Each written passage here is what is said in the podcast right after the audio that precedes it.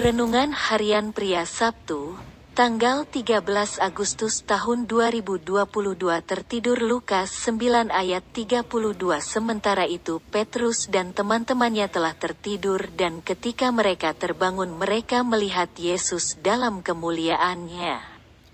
Dan kedua orang yang berdiri di dekatnya itu.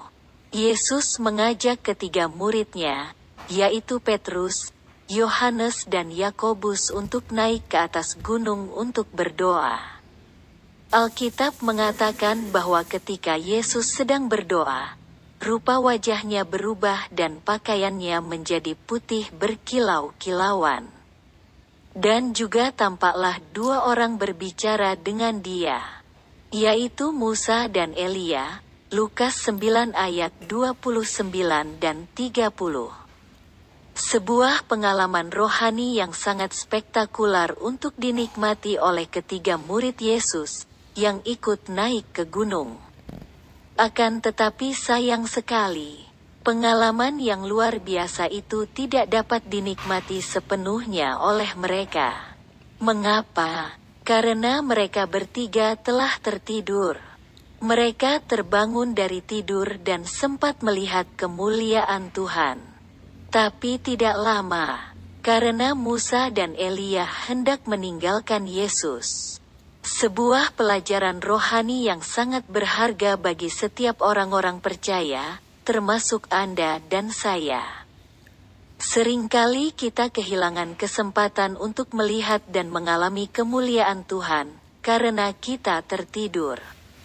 Karena tertidur secara rohani dapat membuat kita tidak dapat mengalami kemuliaan Tuhan.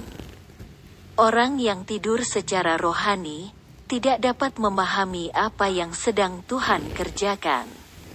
Ada banyak hal yang dapat membuat kita tertidur secara rohani. Ketika kita tidak lagi mengutamakan Tuhan, maka itu akan membuat kita tertidur. Ketika kita tidak memenuhi hati dan pikiran kita dengan firman Tuhan, maka sebenarnya kita juga sedang tertidur. Marilah yang tertidur secara rohani. Bangunlah dan lihatlah kemuliaan Tuhan.